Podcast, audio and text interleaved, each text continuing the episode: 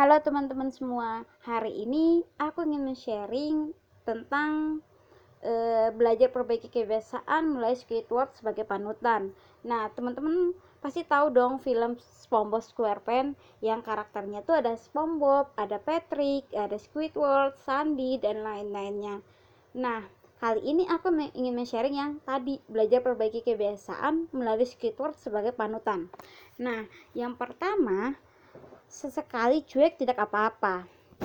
Di tempat kerja, SpongeBob lebih berprestasi dibandingkan Squidward. Tapi Squidward ini cuek aja. Dia tahu kalau passionnya itu cuma di bidang seni.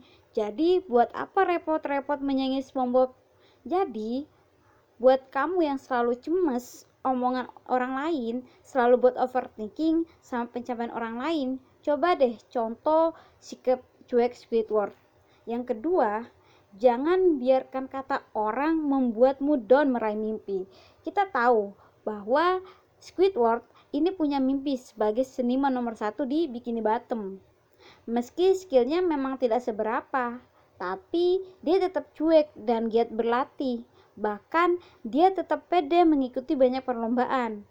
Yang penting, yang penting, eh, yang penting kan coba dulu urusan menang atau tidak itu belakangan. Nah, yang ketiga, hidup terkadang memang penuh dengan orang yang menyebalkan.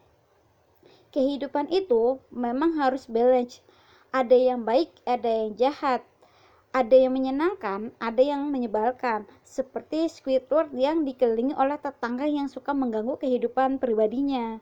Tapi ya mau bagaimana lagi, jalani aja gitu. Yang keempat, emosi tidak akan menyelesaikan masalah. Seperti yang sudah kita eh, apa kita tahu salah satu hobi Squidward ini adalah marah-marah.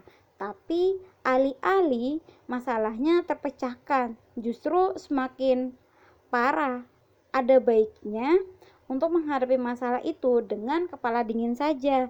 Nah cuma itu aja yang ingin aku sharingkan kepada teman-teman terima kasih telah mendengarkan podcast sharing kita